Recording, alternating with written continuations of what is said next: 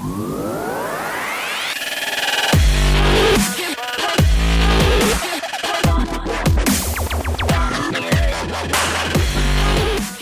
לכולם, אתם על הבריף, פודקאסט על שיווק, חדשנות, והיום אנחנו הולכים לדבר על אחד הנושאים שבאופן אישי את אריאלה ואותי מאוד מאוד מאוד מעניינים אה, ומרתקים, שזה תחום הריטל והאי-קומרס. אה, והיום יש לנו הכבוד לארח את אה, יעל קוכמן, שהיא שותפה ומנכ"לית של ריטק, מרכז חדשנות לטכנולוגיות retail ו e-commerce, שמסייע לחברות גדולות להוביל תהליכי Open Innovation. הם עובדים עם חברות כמו אזוס, אי-ביי, סופר פארם, אה, ויעל באמת ככה מגיעה עם 12 שנות, שנות ניסיון מעולמות ההייטק, יזמות, שיווק, מכירות, ומילא שורה של תפקידי מפתח בחברות סטארט-אפ ו corporate. אז היי, יעל, איזה כיף שאת כאן. היי, תודה שהזמנתם אותי. היי, היי, אני חיכיתי הרבה מאוד זמן סוף סוף להכיר, אז נעים כן, אנחנו רוצות לעשות את הקפה שלנו. לגמרי. מיד אחרי זה. כן. Um, אנחנו ממשיכים במסורת של uh, חמש שאלות כלליות כאלה. שיכניסו אותנו, שנצלול איתם יחד, אה, להכיר אותך קצת לפני שאנחנו אה, מרחיבות. אז בואי נפתח בשאלה הראשונה. מה גרם לך לבחור בקריירה שלך? איך הגעת בעצם לתחום הזה? אז um, ראיתי את השאלה הזאת, ובעיניי, מה זה היום לבחור קריירה? כאילו, אני לא ממש בחרתי את הקריירה. אבא שלי עובד באותו משרד רואי חשבון כבר כמעט 40 שנה, מלפני שאני נולדתי. הוא התחיל שם כסטאג'ר, היום הוא אחד משני השותפים, uh, שלושה השותפים שמנהלים את החברה. Um, אני, במהלך הפחות, הקריירה הדי קצרה שלי, של פחות מ-20 שנה, כבר החלפתי שלוש קריירות, ארבע אפילו. התחלתי אה, ממכירות ותפעול, עברתי לשיווק, אחרי זה אופנה, והיום אני בתחום ההייטק והחדשנות וסטארט, זה, זאת אומרת, זה מאוד uh, משתנה. אני לא חושבת שהיום אפשר... אוקיי, אני אסייג את זה. יש סוגי אנשים שכן מתאים להם לבחור קריירה ו... אה, וככה לדבוק בה, אה, ויש לי חברה שהיא מרפאה בעיסוק והיא מדהימה, והיא הכי הכי מוכשרת במקצוע שלה, והיא לא רואה את עצמה בחיים עוזבת או, או, או, או משהו כזה, אבל אני מבחינתי... כיף לי, טוב לי איפה שאני, להגיד שבחרתי את זה. אני אדייק את השאלה. מה גרם לך לבחור דווקא, את אומרת, היו לך uh, שלושה ענפים שונים uh, במהלך 20 שנה שעברת ביניהם, מה גרם לך לבחור בענף האחרון, שזה עולם הריטל והחדשנות? למה דווקא התחום הזה? מה משך אותך אליו? מה משך אותי אליו? אז קודם כל, uh, התחלתי אה, לפני, ב-2013, כשהיה לי סטארט-אפ שלי בתחום ה e-commerce, הקמתי בעצם קהילה של אה, סטארט-אפים בתחום ה e-commerce, אופנה, retail, ומשם זה בעצם התחיל והתגלגל. ניהלתי את הקהילה הזאת בהתנדבות משהו כמו שלוש וחצי שנים, כאיזשהו side project, וזה פשוט הלך וגדל והתפתח, עד שזה הגיע לנקודה שהרגשתי שיש פה איזשהו מומנטום שחייבים לקחת אותו בשתי ידיים. רצה הגורל, ובדיוק בזמן שהחלטתי שאני לוקחת את זה קדימה, וגם אה, יצאתי לחופשת לידה, וכמו שאנחנו יודעות, נורא כיף אה, לעשות שינויים בחופשות לידה. בדיוק באותה תקופה פנתה אליי אללה, שהיא היום השותפה שלי, אללה פוכט, אה, ו- וזה היה פשוט חיבור מעולה, והחלטנו ביחד לקחת את זה קדימה. אה, לא ידענו בהתחלה לאן אנחנו הולכות, זה היה מין אה, רעיון כזה להקים האב לסטארט-אפים, אוקיי, למה? מה יהיה המודל של זה, מאיפה נביא את הכסף, מה, מה זה הולך להיות הדבר הזה, ולאט לאט פשוט תוך כדי בנינו את זה. בהתחלה יותר התגלגלנו עם ההזדמנויות, פתאום מצאנו משקיעים, פתאום זה, וזה כאילו הכל התגלגל. באיזשהו שלב עצרנו את עצמנו ואמרנו, רגע, אנחנו, אנחנו מתגלגלות. אנחנו לא, אנחנו לא מתכננות, אנחנו לא בונות אסטרטגיה, אנחנו לא בונות מודל, ואז באמת עשינו איזשהו סוג של שינוי כיוון, והבנו מה, מה אנחנו באמת רוצות uh, לעשות, או מה נכון מבחינה עסקית לעשות. זאת אומרת, יצאנו לדרך הזאת מתוך ראייה של... um, מקום של לעזור לסטארט-אפים להתפתח, ואז הבנו שכדי לעזור לסטארט-אפים להתפתח, אנחנו באמת חייבים להביא את החברות הגדולות לשולחן. ואז צריך לבנות מודל עסקי שפונה לחברות הגדולות. ו- וזהו, וככה בחרנו. מאוד מעניין. יש uh, מישהו שאת מסתכלת עליו מעורר, מעורר בך השראה? מישהו אפילו שאת אומרת, ממנו אני יכולה ללמוד כל הזמן? אני לומדת כל הזמן מהמון אנשים. מהמון אנשים, גם מההורים שלי, ששניהם, זאת אומרת, אבא שלי מנהל משרד uh, משלו, אימא שלי ניהלה גם uh, חברת uh, תיירות uh, תקופה לא קצרה, ואני זוכרת שבדיוק uh, שתינו היינו בתפ... בתפקיד סמנכ"ל בחברה באותו זמן, ו... uh, והשווינו ככה רשמים, אנחנו כל הזמן מתייעצות על איך, uh, היום היא כבר בפנסיה, אז uh, היא יותר מייעצת לי, אני כבר לא מייעצת לה. Uh, אבל uh, אז, אז ההורים שלי, אם אנחנו מדברים על דמויות אולי ש, שאנשים מכירים, אז uh, שאבתי המון השראה בתחילת הדרך גם מדריה שואלי. שהקימה את, בזמנו את Sense of Fashion. אני הסתכלתי על דמויות כמו סופיה מרוסו, שהקימה את נסטיגל. זה היה ככה דמויות מפתח שהסתכלתי עליהן יותר בתחילת הדרך. יפה, הרבה נשים. כן, כן. מעולה.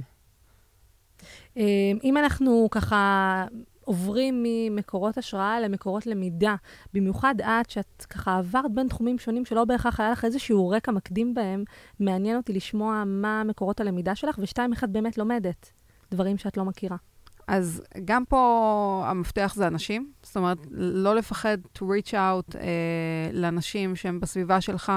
אה, מכל אחד אפשר ללמוד משהו. צריך גם, מן הסתם, לשמור על איזון ולא להתפזר עם זה יותר מדי, וגם לדעת לשמור על פוקוס ולדעת מה אתה רוצה לקחת מכל אחד, אה, כי בסוף אתה בעצם מכיר את עצמך ואת הדרך שלך ואת העסק שלך הכי טוב מכולם. אה, והמון לקרוא, המון מיטאפים. כשהתחלתי... Uh, כשנכנסתי בעצם לעולם השיווק, אז זאת אומרת, זה, זה התחיל, קודם כל הייתי, הייתי סמנכ"ל בחברה שנתנה שירותי outsourcing uh, בתחום של מכירות בינלאומיות. ומה שקרה זה שעשינו הרבה מאוד פרויקטים, וחלק מהפרויקטים היו חברות גדולות ומגובשות שבאו ואמרו לנו, הנה, יש לנו מוצר, אנחנו רוצים שתביאו אנשי מכירות ותמכרו אותו במדינות האלה והאלה. אחלה, אבל היו אה, הרבה חברות שהיו יותר קטנות והיו באות ואומרות, יש לנו מוצר, אבל אין לנו, אין לנו תוכנית שיווק, אין לנו לידים, אנחנו רוצים למכור את המוצר, אבל אין, אין לידים, אז מה עושים? ואז בעצם התחלתי ככה להיכנס לעולם הזה של השיווק ולהבין שהוא יותר מעניין אותי.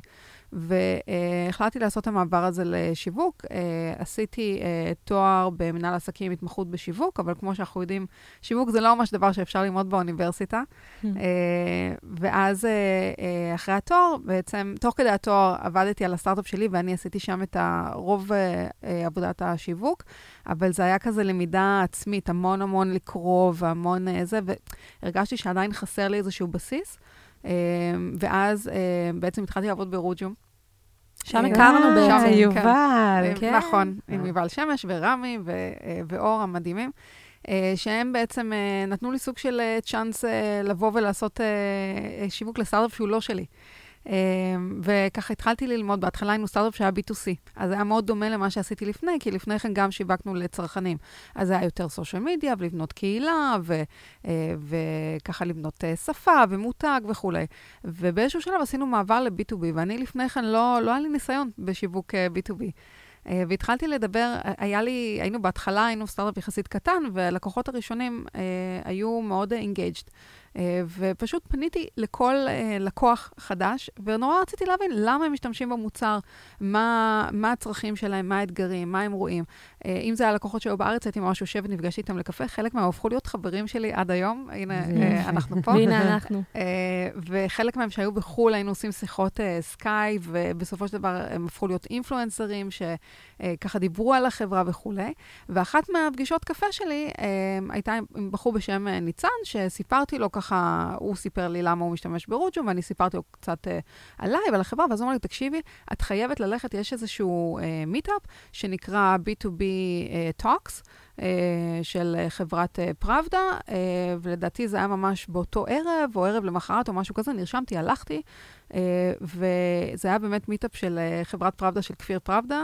כפיר הנחה את המיטאפ בכישרון רב עם דוברים מדהימים, והחלטתי שאני חייבת להכיר את הבן אדם הזה, והוא היה עמוס כמו, אתם יודעות מה זה, שאנחנו מדברות על במה, ואחרי זה יש את התור הארוך הזה, ואני הייתי חודש... עלייה לרגל. עלייה לרגל, ואני הייתי איזשהו חודש, לא יודעת כמה בהיריון, ולא לא, לא היה לי את הסבלנות uh, לחכות, אבל ביקשתי מאחת העובדות של פראבדה, אמרתי לה, תקשיב, אני חייבת להכיר את כפיר. והחלפנו כרטיסי ביקור, אמר לי, אין בעיה, תכתבי לי, אני, אני אעשה לך introduction, עשתה לי את ה introduction, אמרתי לו, תקשיב, הייתי במיטאפ ואני חייבת להכיר אותך. נפגשנו, אה, הבאתי את אה, מרני, אה, מרני מנדל, שעבדה אז אה, איתנו ברוג'ום. אה, ישבנו איתו בערך שעתיים, הוא פשוט שפך עלינו את כל הידע שלו ב-B2B marketing ו marketing automation, וזה היה פשוט מרתק. אה, ומאז הוא הפך להיות סוג של מנטור שלי. אה, אז בעצם את אומרת, הדרך הכי טובה בשבילך ללמוד זה אנשים בסדר? של לזהות את האנשים הרלוונטיים שיכולים לתת ערך ולהגיע למקומות שבהם יש פוטנציאל לפגוש אנשים נוספים שאפשר ללמוד מהם, נכון. כמו מיטאפים, ובכלל אה, להתמנגל, מה שנקרא. נכון, ושימו לב שהרבה פעמים אנשים זה מעגל שני ושלישי שלך, זאת אומרת, לא תמיד, אם אתה רוצה עכשיו, לא מזמן החלטנו אה, ללמוד על תחום ההשקעות. Uh, ולא לא ידענו איך לגשת לזה בכלל, ופשוט התחלנו לדבר עם כל בן אדם שאיכשהו קשור לתחום, ומישהו מכיר לך מישהו, מכיר לך מישהו, ובסוף נפלנו על מנטור מדהים, מטורף, ש, שעוזר לנו אה, ברמות אחרות. מדהים. מאוד מעניין להסתכל על השיטה הזאת, היא לא קונבנציונלית בכלל, כל הסימוני דרך שלך והמפגשים עם אנשים. מה שמוביל אותי לשאלה הבאה, את כבר מזהה איזו טריטוריה חדשה שמדגדגת לך, איזה, מה השלב הבא בהתפתחות ה, של המקצוע שלך, של, יש איזשהו משהו שמדליק אותך? אה, יש הרבה דברים שמדליקים אותי. קודם כל, אה, עוד לא מדגדג לי שום דבר, כי באמת עדיין אני... טוב, זה קצת שונה, כי היום אני בעצם מנהלת חברה שלי, זאת אומרת, אנחנו שתי שותפות, אבל שתינו מאוד באותו ראש, ואם את יודעת, אה, ככה ידגדג לנו משהו אחר, אז אנחנו פשוט יכולות לעשות shift ולקחת את החברה לאותו כיוון, ואפשר לעשות את זה גם בהדרגה, זאת אומרת, בלי לעזוב את הקיים. ואנחנו כן בודקות כל מיני כיוונים, עוד אף אחד לא מאוד מאוד uh, מגובש, אבל uh, תחומים שמאוד uh, מעניינים אותי ברמה האישית, uh, זה תחומים של באמת של השקעות, uh, של השקעות בסטארט-אפים. Uh, אני כבר שנים עובדת עם סטארט-אפים וראיתי המון המון סטארט-אפים, בין אם בתפקידי uh, ייעוץ, בין אם סטארט-אפ שלי שאני הובלתי, סטארט-אפים שעבדתי בהם כ- כעובדת, מכל הכיוונים. Uh, ומאוד מעניין אותי להיכנס לתחום הזה באיזושהי דרך, באיזושהי צורה. כי מה, להביא משקיעים ולנהל את כל ה process מה seed עד ה... אני, עוד לא יודעת אפילו איך. עד האקזיט, כמובן. כן. בואי. את יודעת, זה, זה תמיד היה סוג של אה, חלום כזה להיות uh, שותפה בקרן, אבל כשאתה מבין שבעצם קרן השקעות זה בעיקר עבודה על אקסלים ומודלים, ו... כאילו, אני לא בטוחה... את אשת עבודה, את אוהבת בדיוק, את כל ה... בדיוק, אני אוהבת ללכלך את הידיים. פיתוח, כן. שיווק. כן. כן. אז אני לא בטוח שזאת. שזה המקום הנכון, אולי כן, אולי לא, אני לא יודעת, אבל אני אומרת שיש מקום להכל. מה שיפה בתקופה שלנו, יש מקום להכל, להמציא את הכל. אין, זה, זה יופי של תקופה. ואין גבולות, אין גבולות. בין דבר לדבר. Uh, מה שמוביל אותנו באמת uh, קצת לדבר יותר לעומק על החברה שאת שותפה בה היום. תספרי לנו קצת על ה-Tech Innovation Hub הזה, מה אתם בדיוק עושים, אה, אפרופו, דיברת מקודם על זה שבהתחלה לא הבנתם מה צריך להיות המודל, איך זה צריך להיות בנוי. אז ספרי לנו קצת יותר לעומק על איך אתם עובדים היום, אה, וגם תעשי לנו קצת הבחנה בין הסוגי לקוחות אה, שאתם עובדים איתם אה, משני צידי המתרס. אחרי זה נצלול עוד פנימה לשם. אוקיי, okay, אז uh, ריטק זה בעצם פלטפורמה, פלטפורמה עבור חברות שיש להן נגיעה לתחום הריטל. אה, ורוצות אה, לקדם חדשנות בתוך החברה. אה, והיום לא מספיק לקדם את החדשנות מבפנים, אנחנו חייבים להביא אותה גם מבחוץ, ואחת הדרכים הכי טובות לעשות את זה זה עבודה עם סטארט-אפים. חדשנות פתוחה בעצם מתחלקת, יש עבודה עם ממשלות, יש עבודה עם אקדמיה וכל מיני תחומים, שהתחומים האלה הם בדרך כלל תחומים שהם ארוכי טווח. זאת אומרת, להתחיל לעבוד עכשיו עם אוניברסיטה שתעשה איזשהו מחקר, והחברה שלך תשתלב בפנים וכולי, או לעבוד עם ממשלה ולהניע תהליכים, זה יכול לקחת שנים. וסטארט-אפים הם קטנים, זריזים, אה, חדשניים. הם אה, מגיעים מזוויות במקומות מחשבה ש, שאחרים לא, לא מגיעים לשם. לא מזמן הייתה לי שיחה עם יזם שהוא אמר שהוא היה... אה, עבד במשך שנים, שנים, שנים באקדמיה, ולא, והוא המציא דברים מטורפים, והוא בעצם לא, אף פעם לא היה בחוד החנית, זאת אומרת, הוא תמיד היה בבקסטייג' מאחורה. אנחנו לא יודעים מי, המפ, מי, מי החוקרים, מי המוח, כן. אה, ואז הוא אמר, רגע, אבל אם אני אצא החוצה ואני אקח אפילו חלק קטן קטן מהטכנולוגיה שפיתחתי, זה יכול להיות חברה מטורפת, והוא יצא ובאמת הקים חברה שהיום היא מאוד מאוד מצליחה. אז, אה, אז לכן באמת הרבה מאוד חברות מגלות את הפוטנציאל של עבודה עם סטארט-אפים. אה, ושם בעצם אנחנו נכנסים לתמונה, כי חברות, בעיקר בתחום הריטל, תחום הריטל הוא תחום מאוד מאוד מורכב. מדובר בחברות שחלק מהן מתחילות החל משרשרת הייצור. בדיוק אתמול עשינו אירוע עם אחד הלקוחות שלנו, חברת תנובה. אנחנו עובדים גם כמובן עם חברות בינלאומיות, אבל פה בארץ אנחנו עובדים עם תנובה ועם סופר פארם, שסיפרו שבאמת הם חולשים על כל שרשרת הערך, מממש החקלאות עצמה. גם חברת פפסיקו, למי שלא ידע, אחראים על 7% משוק תפוחי האדמה בעולם. נכון. זאת אומרת, נכון. מהגידול של תפוחי האדמה. גם לא... רגלי על, הגומ... על, על יערות בגלל הגומי של המסטיק. כן, זה don't get me started, אבל, um, אבל בעצם זה לא רק החשיבה על המותג ולשים את הטפוצ'יפס בשקית המתאימה ולשים אותו על המדף של החנות, זה איך אנחנו uh, בונים מותג, זה איך אנחנו מגדלים באמת את המוצרים, זה כל השרשרת אספקה. כן. זה, כן. פפסי, זה מדובר על 80 אלף משאיות רק בארצות הברית, זה צי המשאיות הכי גדול בארצות הברית. זה חברות מטורפות ש, שיש להן כל כך הרבה אתגרים, uh, ומצד שני, רוב החברות עדיין פועלות פחות או יותר באותה דרך שהן פעלו לפני 200 שנה. אז אולי לפני 200 שנה לא היו 80 אלף משאיות, היו 20 אלף, אבל זאת אומרת, זה, זה גדל, אבל זה לא, זה לא השתנה בצורה מהותית. וקשה להם מאוד להניע את השינויים, כי אנשים בתוך החברה הם, הם, הם מאוד אה, אה, מורגלים בדרך מחשבה מסוימת. וכאן בעצם, אה, וברגע שהם רוצים להתחיל לעבוד עם סטארט-אפים, אז הם לא כל כך יודעים אפילו איך להתחיל, איך לבנות את האסטרטגיה, לאיזה סטארט-אפים אנחנו פונים. והרבה פעמים פותחים את השערים שלהם, מגיעים המון המון סטארט-אפים, כי איזה סטארט-אפ לא רוצה לעבוד עם חברה גדולה, אז מה הבעיה? באים המון המון המון סטארט-אפים, שהם לא בהכרח רלוונטיים, לא בהכרח בשלים מספיק, אה, והחברות לא יודעות איך, אה, איך למצוא מתוכם את הסטארט-אפים הכי מתאימים, וגם ברגע שמצאו את הסטארט-אפ, שזה עוד החלק האיכשהו קל, איך בעצם בונים את התהליך בצורה נכונה, שתביא למקסימום uh, תוצאות במינימום זמן. איך מחברים חברה, חברת סטארט-אפ של לפעמים חמישה אנשים, או, או אפילו קצת יותר, אפילו אם זה 50 איש, לחברה של, של עשרות אלפי אנשים, שהם הולכים שם לאיבוד. אני חייבת רגע להתעכב על הנקודה הזאת בתור אחת, שתינו, שבאות מ corporateים גדולים.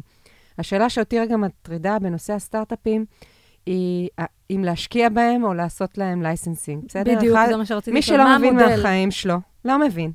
ובאה לפתחו האפשרות להשתת... להיכנס לשותפות עם סטארט-אפ, זה חרדות. כי אתה לא מבין מספיק בטכנולוגיה, ומה אם הם סטארט-אפ פצצה, אבל שעוד חודש יוצא טכנולוגיה יותר טובה. איך יודעים להחליט האם יש לנו ביצת זהב ששווה לשים את הכסף, או תירגעו, תעשו לזה licensing. עכשיו, החברות האלה רוצות שיקנו אותם בסוף, אז איך מקבלים את ההחלטה הזאת? אני, בתור אחת שהייתה בארגונים האלה... אגב, זה... לא בהכרח. יש שני מודלים שיכולים להיות, אגב, כנראה הרבה יותר משניים, אבל מניחה. שניים מרכזיים. אחד זה, אתה יכול להיות פשוט הספק, ואז אתה מקבל לקוח מאוד מאוד גדול. תחשבי מה זה לסטארט-אפ קטן, פתאום לעבוד עם פפסיקו. שהוא מתגלח זה, עלייך? אחד, לא רק מתגלח, הוא בסוף, יש לו מקור רווח מאוד מאוד משמעותי, זה אחד. ומודל שני זה לבוא ולהגיד, אוקיי, רגע, אולי אני אקח את הסטארט-אפ הזה פנימה אליי, ואז אני כבר מייצר איזשהו מנוע צמיחה אה, נוסף לעסק, ועוד יכולות ועוד capabilities וכן הלאה וכן הלאה. שזה לא החלטה קלה, כאילו, זה, זה נראה נכון. לי הקושי הגדול. אז איך באמת, אחד, מחליטים, ושתיים, האם יש עוד מודלים שרגע לא, לא, לא חשבנו כרגע? אז בעיניי, אמ, בעיניי מתחילים קודם כל בפיילוט. קודם כל בודקים את העבודה עם אותו סטארט-אפ. זאת אומרת, לפני שאתה בכלל אה, מחליט אם אתה רוצה שהסטארט-אפ יהיה ספק שלך או שתשקיע בו, בוא, בוא תתחילו לעבוד ביחד ותראו איך, אה, איך זה עובד, איך הדינמיקה, איך זה משתלב, ותמשיכו משם. זה, זה בעיניי הכי טוב. דבר שני, זה באמת לעבוד עם איזשהו שותף שהוא מגיע מהאקוסיסטם, שהוא מכיר, שהוא יודע, שהוא מכיר לא רק את הסטארט-אפ הזה, אלא איך הסטארט-אפ הזה הוא באמת בהשוואה לחברות אחרות, אה, ונגיד... אה, נגיד, אני היום יודעת שהולכת, יש איזשהו סטארט שעובד על טכנולוגיה מאוד מאוד אה, אה, מתקדמת ל-last mile delivery, שעדיין לא יצא לשוק. עכשיו, אני לא יכולה לדבר על זה, כי כמובן אנחנו חתומים על NDAים גם עם החברות, גם עם הסטארט-אפים, אבל... אבל אם אני, אה, אם, אם אני עובדת עם לקוח, ולקוח שואל אותי האם להשקיע בסטארט-אפ מסוים, אני כן אוכל לתת לו את המידע הזה של, תשמע, אני לא יכולה להגיד לך בדיוק מה, אבל חכה עם זה כי יש משהו אחר שהולך לצאת. הבנתי. אז, אה, אז זה, זה ככה זה, ואפשר גם לראות, אגב, דוגמאות של גם, גם ברמה של כשרוכשים סטארט-אפ, אז יש כל מיני צורות של איך לעבוד איתו. רק השנה היו כבר שלושה, שלוש רכישות בתחום הריטטק, ארבע למעשה, אבל הרביעית, החברה הרוכשת לא הייתה חברת ריטל. אה, אז אה, וולמרט רכשה את אספקטיבה, ובעצם מטמיעים אותם בתוך החברה. לעומת זאת, מקדונלדס רכשו את דיינמיק הילד והשאירו אותה כחברה עצמאית. כן. אז יש באמת כל מיני מודלים. מאוד מעניין. Um, מה הנושא הכי חם שהיום חברות מחפשות? כאילו, מה, איפה הכאב הגדול כשאת, שבא לידייך בריף של חברה? אני מניחה, אנחנו מתעסקות בעולמות הריטל שהכי מעניינות אותנו, והמון חברות היום לא נוגעות ב-direct to consumer, וזה הדבר הכי בוער בשוק. מה, מה הבריף, כאילו, שהן באות לפתרון? זה אגב, תלוי איזה חברה, כי היא נתנה שתי דוגמאות מהארץ, שחברה אחת היא חברה יצרנית, והחברה השנייה היא קמעונאי פר אקסלנס. אז נראה לי שיש גם בטח הבדל ברור. בין סוג החברה שאתם עובדים איתה, כי הפער הוא שונה בכל אחת מהחברות, הפער שרוצים לגשר עליו. תספרי לנו מש, משתי הזוויות. בדיוק. נכון, ולעומת זאת אנחנו עובדים עם חברות כמו אסוס, אה, שהם pure online player, והם לגמרי direct to consumer. ואז הפער שלהם הוא כנראה בכלל העולם הפיזי. חברות שהן marketplaceים, חברות שהן... שהם, אה, אה, שהם גם וגם, כמו פרפט שיצא לנו לעבוד איתם, שהם גם אה, התחילו בעצם כ pure online, אחרי זה פתחו חנויות פיזיות. אז אנחנו עובדים באמת עם כל מיני סוגים של חברות וגם כל מיני ורטיקלים. זאת אומרת, האתגרים באופנה הם מאוד מאוד שונים מהאתגרים ב groceries או, ב, או בפארמה. זאת אומרת, כל, ממש כל חברה... והאתגרים שלה. כן, כשבדיוק לפני חודשיים הוצאנו דוח על תחום ה retail tech בישראל, ובעצם בחרנו להתמקד בשישה טרנדים.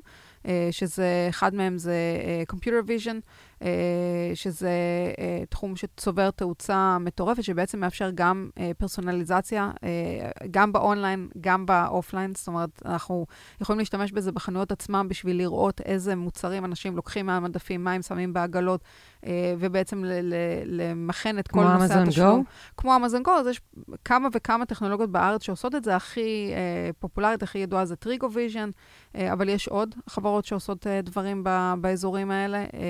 אז ספרי לנו באמת, אני חוזרת רגע לשאלה של אריאלה, מה סוג העבודה שאתם עושים עם כל אחד מהסוגים של החברות, לגשר על הפערים שלכל אחת יש?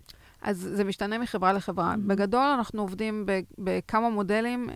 יש לנו מודל של scouting, שבעצם אנחנו מקבלים את הבריפים, עושים את ה scouting, מביאים אה, אה, לחברה את כל. input על איזה סטארט-אפים פעילים בתחום, אה, לאיזה סטארט-אפים כדאי להם להתחבר, אה, עושים את החיבורים ובעצם אה, החברה ממשיכה משם. זה מודל שהוא בדרך כלל, זאת אומרת, זה מודל שבדרך כלל עובד לזמן מאוד מאוד קצר, ומהר מאוד הם מבינים שהם צריכים יותר מזה, כי בסופו של דבר, כמו שאמרתי, החיבור זה לא, זה לא החלק המשמעותי. אה, אם... צריך לנהל את זה. צריך לנהל את זה. וזה גם צריך המון שינוי ארגוני, זה לא נכון, בא רק ב... נכון. זה המודל הראשון. חתמנו על ההסכם. נכון. ומבנה למימוש. אגב, בהקשר הזה יש חברות שיש להן כבר חממות. בסדר, לצורך העניין, נגיד לשטראוס, יש חממת פודטק. נכון. ואז, מה המקום שאתם נכנסים בחברות כאלה? בכלל רלוונטי לכם לעבוד עם uh, חברות שכן יש להן גוף uh, מרכזי, או שאתם משלימים את הפער לחברות שאין להן את זה in-house, ואתם עושים את זה כאילו בשבילם ב outsource? זה יכול להיות גם וגם, זה יכול להיות באמת uh, uh, Open Innovation כ-outsource, אבל גם חברות שיש להן איזושהי פונקציה של חדשנות או חממה, אז uh, קודם כל, החממות זה דבר שהוא מאוד מוגבל. אתה יכול להכניס סטארט-אפים בשלב מאוד מסוים, בתחומים מאוד מסוימים, והרבה פעמים אתה כן רוצה להיפתח גם לתחומים אחרים ולחברות בשלבים אחרים. מה אם זו חברה שהיא כבר לא, לא בשלב חממה, חברה בוגרת, או מה אם זו חברה שרק עכשיו אה, התחילה והיא עדיין לא מוכנה לחממה? מה אם זו חברה שמפתחת משהו שהוא לא פודטק? זאת אומרת, שטראוס זה הרי הרבה mm-hmm. מעבר לפודטק. מה עם כל הנושא נכון. של, ה, אה, של השיווק, של הקמעונאות? יש פה עוד המון המון אזורים שהחממה לא נוגעת בהם. אז כן, יש לנו גם מקום להשלים. וגם מקום אה, לבוא כ, אה, כזרוע אה, בעצם outsource, כן. כן. אמ, אני רוצה רגע לשאול שאלת חוץ לארץ.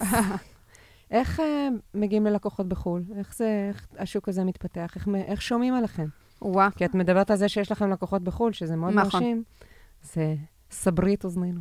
אז תראי, ללקוח הראשון שלנו, אה, הגענו פשוט כי הרמנו טלפון לסמנכ"ל טכנולוגיה של החברה. אה, זו החברה שתרגטנו אותה והחלטנו שאנחנו רוצים שהם יהיו הלקוח הראשון שלנו.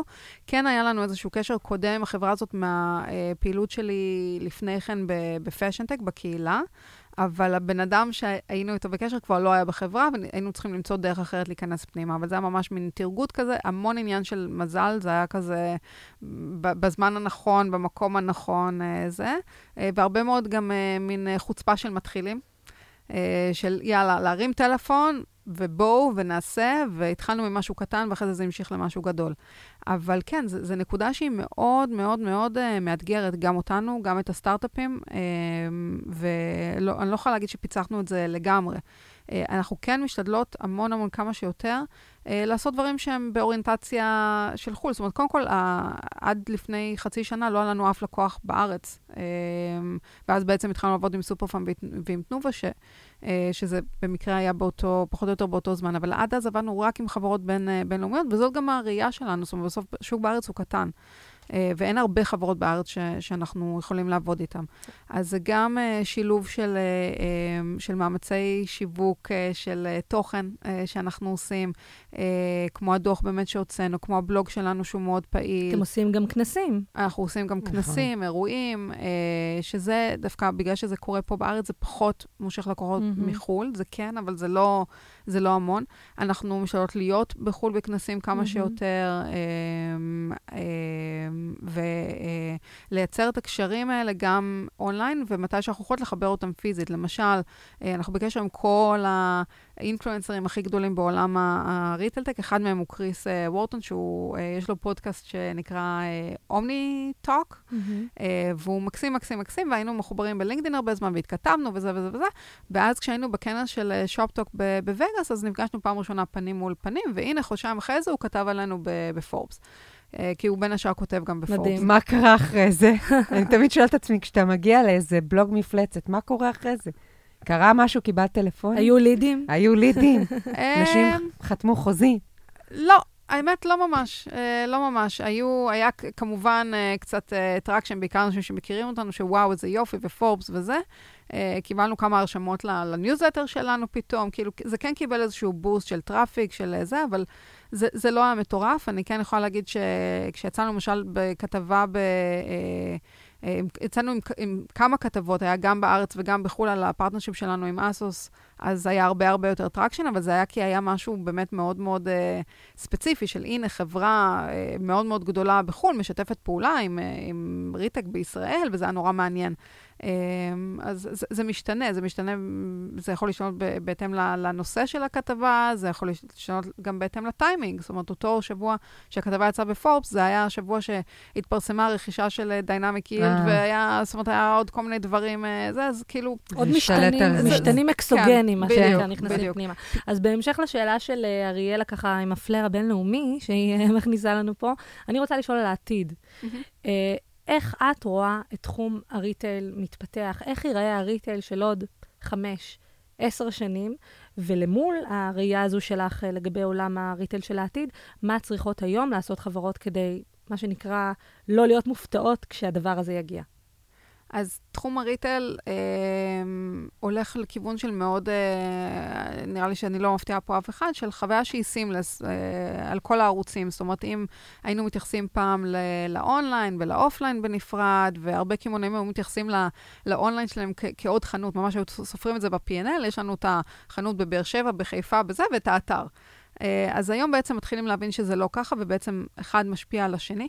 יש חברות שממש אה, אה, רואות, כשהן פותחות או סוגרות חנויות, אם יש להן אונליין שהוא מאוד מפותח, פותחות או סוגרות חנויות בערים מסוימות, אפשר לראות את העלייה או את הירידה ב traffic באתר, בהתאם לזה. מעניין. זאת אומרת, ה online וה offline לגמרי משלימים אחד את השני, ואפשר לראות גם כל מיני מין מודלים של חנויות pop-up, של כל מיני דברים שהם דינמיים. ואני חושבת שזה, בסוף אנחנו הולכים לכיוון של למכור חוויות, ואנחנו רואים הרבה מאוד קמעונאים שמכניסים שירותים למערך שלהם, אה, CVS שמכניסים שירותי אה, פסיכולוגיה ואופטיקה וכל מיני כאלה, Tide, אה, שזה בכלל חברה... זה בשביל traffic הכל.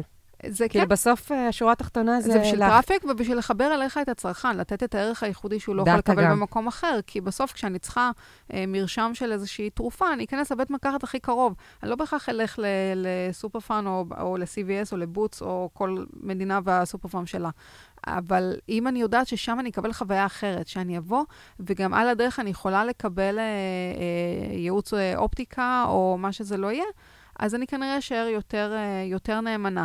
Uh, וזה בסוף המטרה, לחבר את הכל ביחד. ואם אנחנו מסתכלים על העתיד, שבסוף יגיעו אלינו כל מיני רכבים אוטונומיים לשכונה, שנוכל uh, להגיע ולשלוף מהם את המוצרים uh, שהזמנו, או כל מיני רובוטים שיגיעו עד הבית וכאלה, זה עדיין, זאת אומרת, זה עדיין חוויה שהיא חוויה נקודתית. זאת אומרת, בסופו של דבר, אנשים, אני לא רואה מצב שאנשים ישבו בבית ורק יחכו למוצרים שהם הזמינו, מחכים אליהם, בין אם זה בדואר, ברכב אוטונומי, בדוג לא, רובוט וכל מיני דברים שהם ממציאים.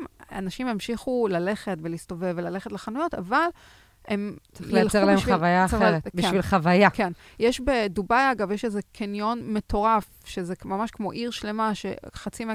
זה קניון שאתה ממש, אתה הולך בו ואתה... אה, יש מין משחק בין החוץ לפנים, זה כזה גם גינה, וגם בפנים יש פארק שעשועים, וגם זה, הכל כאילו, אז אה, בסדר, להם יש המון כסף, אנשים כלואים בתוך עולם של חוויה כדי שהם לא ירצו לצאת משם. כן, בדיוק, בדיוק, זה כמו, כמו כן, חברות כן. ההייטק, כן? כן? שמכניסות את החדר כושר, ואת השירותי babysitting, ואת כן. האוכל, ואת הכל לתוך ה... הבניין. בית סוהר סגור. כדי שבסוף אתה תבוא ב-8 בבוקר ותלך ב-12 בלילה ותהיה משועבד. אז, אז גם פה... זאת אומרת, להבדיל, כן? אף אחד לא מצפה שנבלה בקניון אה, יום שלם ברציפות, אבל כן, רוצים שנגיע לקניון ונבלה ונחווה ו, אה, ונוציא את הכסף. לאו דווקא, אם, אם פעם תמהיל החנויות בקניון היה 90 אחוז אה, חנויות אה, אה, של מוצרים ו-10 אחוז שירותים כמו מזון וכמו דברים אחרים, אז היום התמהיל מאוד מאוד משתנה, ואתה מגיע לקניון ויש לך הרבה מאוד שירותים, אם זה חדר כושר, אם זה באמת יותר מסעדות ודוכנים, אם זה ניקוי יבש, אם זה כל מיני דברים שאתה uh, צריך. אני רוצה רגע לחזור לצד של הארגון. המודל משתנה גם בארגונים, מעבר לעובדה שהם לוקחים אה, אנשים כמוכם, הם מתחילים להכניס טכנו, אה, תפקידים של סקאוטרים. עולמות החדשנות בעצם מכניסות אנשים שהם יותר עם אוריינטציה טכנולוגית, שיודעים כבר למצוא את האנשים האלה בעצמם. איפה את רואה את עצמך משתלבת בדבר הזה? כי אני מרגישה כמו המשחק הזה בין לשים את התוכן בחוץ או להביא איש תוכן לתוך הבית. האם ה scouter צריך להיכנס לתוך הארגון כי הוא חי את ה-DNA של הארגון ואז הוא יודע יותר טובה לחפש, או להשאיר את זה ב outsourcing, כמו במקרה שלכם? את רואה שינוי? את רואה מגמה כזאת? כן, לגמרי. לגמרי. אני חושבת שחברות עדיין לא כל כך באמת יודעות מה לעשות, וכמובן שלא כל דבר נכון לכל חברה ומה שנכון לה, אבל מה, מהניסיון שלנו, המודל שעובד הכי טוב הוא מודל היברידי, שיש כן אנשים בתוך החברה שמכירים את החברה טוב, שמכירים, זאת אומרת, זה לא, הרבה מאוד חברות פותחות פתאום פונקציה של חדשנות, ואו שמביאים מישהו מבחוץ כשכיר, אבל מביאים אותו מבחוץ והוא לא מספיק מכיר את החברה, מביאים אותו בגלל הניסיון שלו, הניסיון הטכנולוגי או מה שזה לא יהיה, אבל זה לא מספיק, חייבים להביא אנשים שמגיעים מהבפנים, וגם שמגיעים מפונקציות נכונות, מפונקציות ש... ש זאת אומרת, לקחת עכשיו מישהו שהיה מתכנת ולשים אותו כמנהל חדשנות, הוא לא מכיר אף אחד בחברה. זאת אומרת, חדשנות זה הרבה מעבר לטכנולוגיה, חדשנות זה בעיקר העבודה עם האנשים. אמ, ולמשל אה, אנשי שיווק, זאת אומרת, אנחנו פה כולנו ככה עם רקע שיווקי. אנשי שיווק זה אנשים שמאוד מתאימים לעסוק בחדשנות, כי אנחנו אנשים שמאוד מאוד מחוברים לשוק, ללקוחות, אנחנו יודעים מה קורה, למגמות, למגמות. אנחנו גם יודעים לחשוב בצורה יצירתית, לצאת מהקופסה, אה, למרות שהיום אומרים שיותר יצירתית זה בתוך הקופסה, אבל... כי זה מצורך התפקיד שלנו, אנחנו בלמידה כל הזמן. בדיוק, אנחנו בלמידה. אז המודל בעיניי הכי טוב זה באמת לקחת מישהו או, צוות שהוא פנים חברה, בעדיפות לצוות שהוא חוצה מחלקות, לקחת מישהו מהטכנולוגיה ומישהו מהשיווק ומישהו זה, ולהביא גם... צוות אינטרדיסציפלינרי. כן, כמו סטארט-אפ קטן בתוך הבית. לגמרי. לא, לא סטארט-אפ קטן בתוך הבית, כי אז זו יחידה שהיא אה, מבודדת. זה לא יכול להיות סיילו. זה חייב להיות משהו שהוא... אה, שהוא נוגע בעסק כל הזמן. שהוא נוגע. בעיניי אפילו בוודאי, לקחת אנשים אבל... ולא להוציא אותם מהתפקידים של היום-יום שלהם ולהגיד להם, מעכשיו אתה עושה רק חדשנות. חדשנות צריכה לגעת זה, בכולם. טוב, זו שיחה אחת גדולה בפני עצמה. לגמרי, לגמרי, אבל כן להביא את התמיכה של מישהו מבחוץ. למה? כי ברגע שיש מישהו מבחוץ, יש לחץ.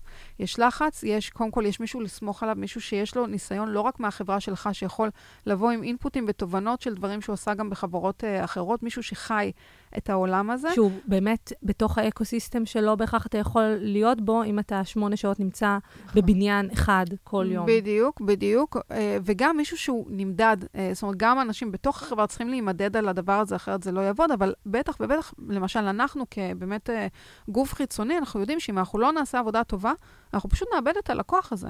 Uh, ואנחנו לא יכולות, לא, לא יכולות להרשות את זה לעצמנו, אז אנחנו נעשה את, את, את המקסימום כדי שזה, כדי שזה יעבוד. ما, מה זה מדדים שאולי... לעבודה טובה? מאוד מעניין אותי לדעת. מה הפרמטרים? אז uh, גם זה נורא נורא משתנה, uh, אבל בעיניי המדדים זה כמה שיותר איך השפענו על, ה-KPI של החברה עצמה. זאת אומרת, כל, כל טכנולוגיה שאנחנו מכניסים, אנחנו צריכים לבנות איזשהו roadmap, אפילו לפיילוט הראשוני, לא רק להגיד בואו נראה שזה עובד, אלא אלא מה, איך זה משפיע.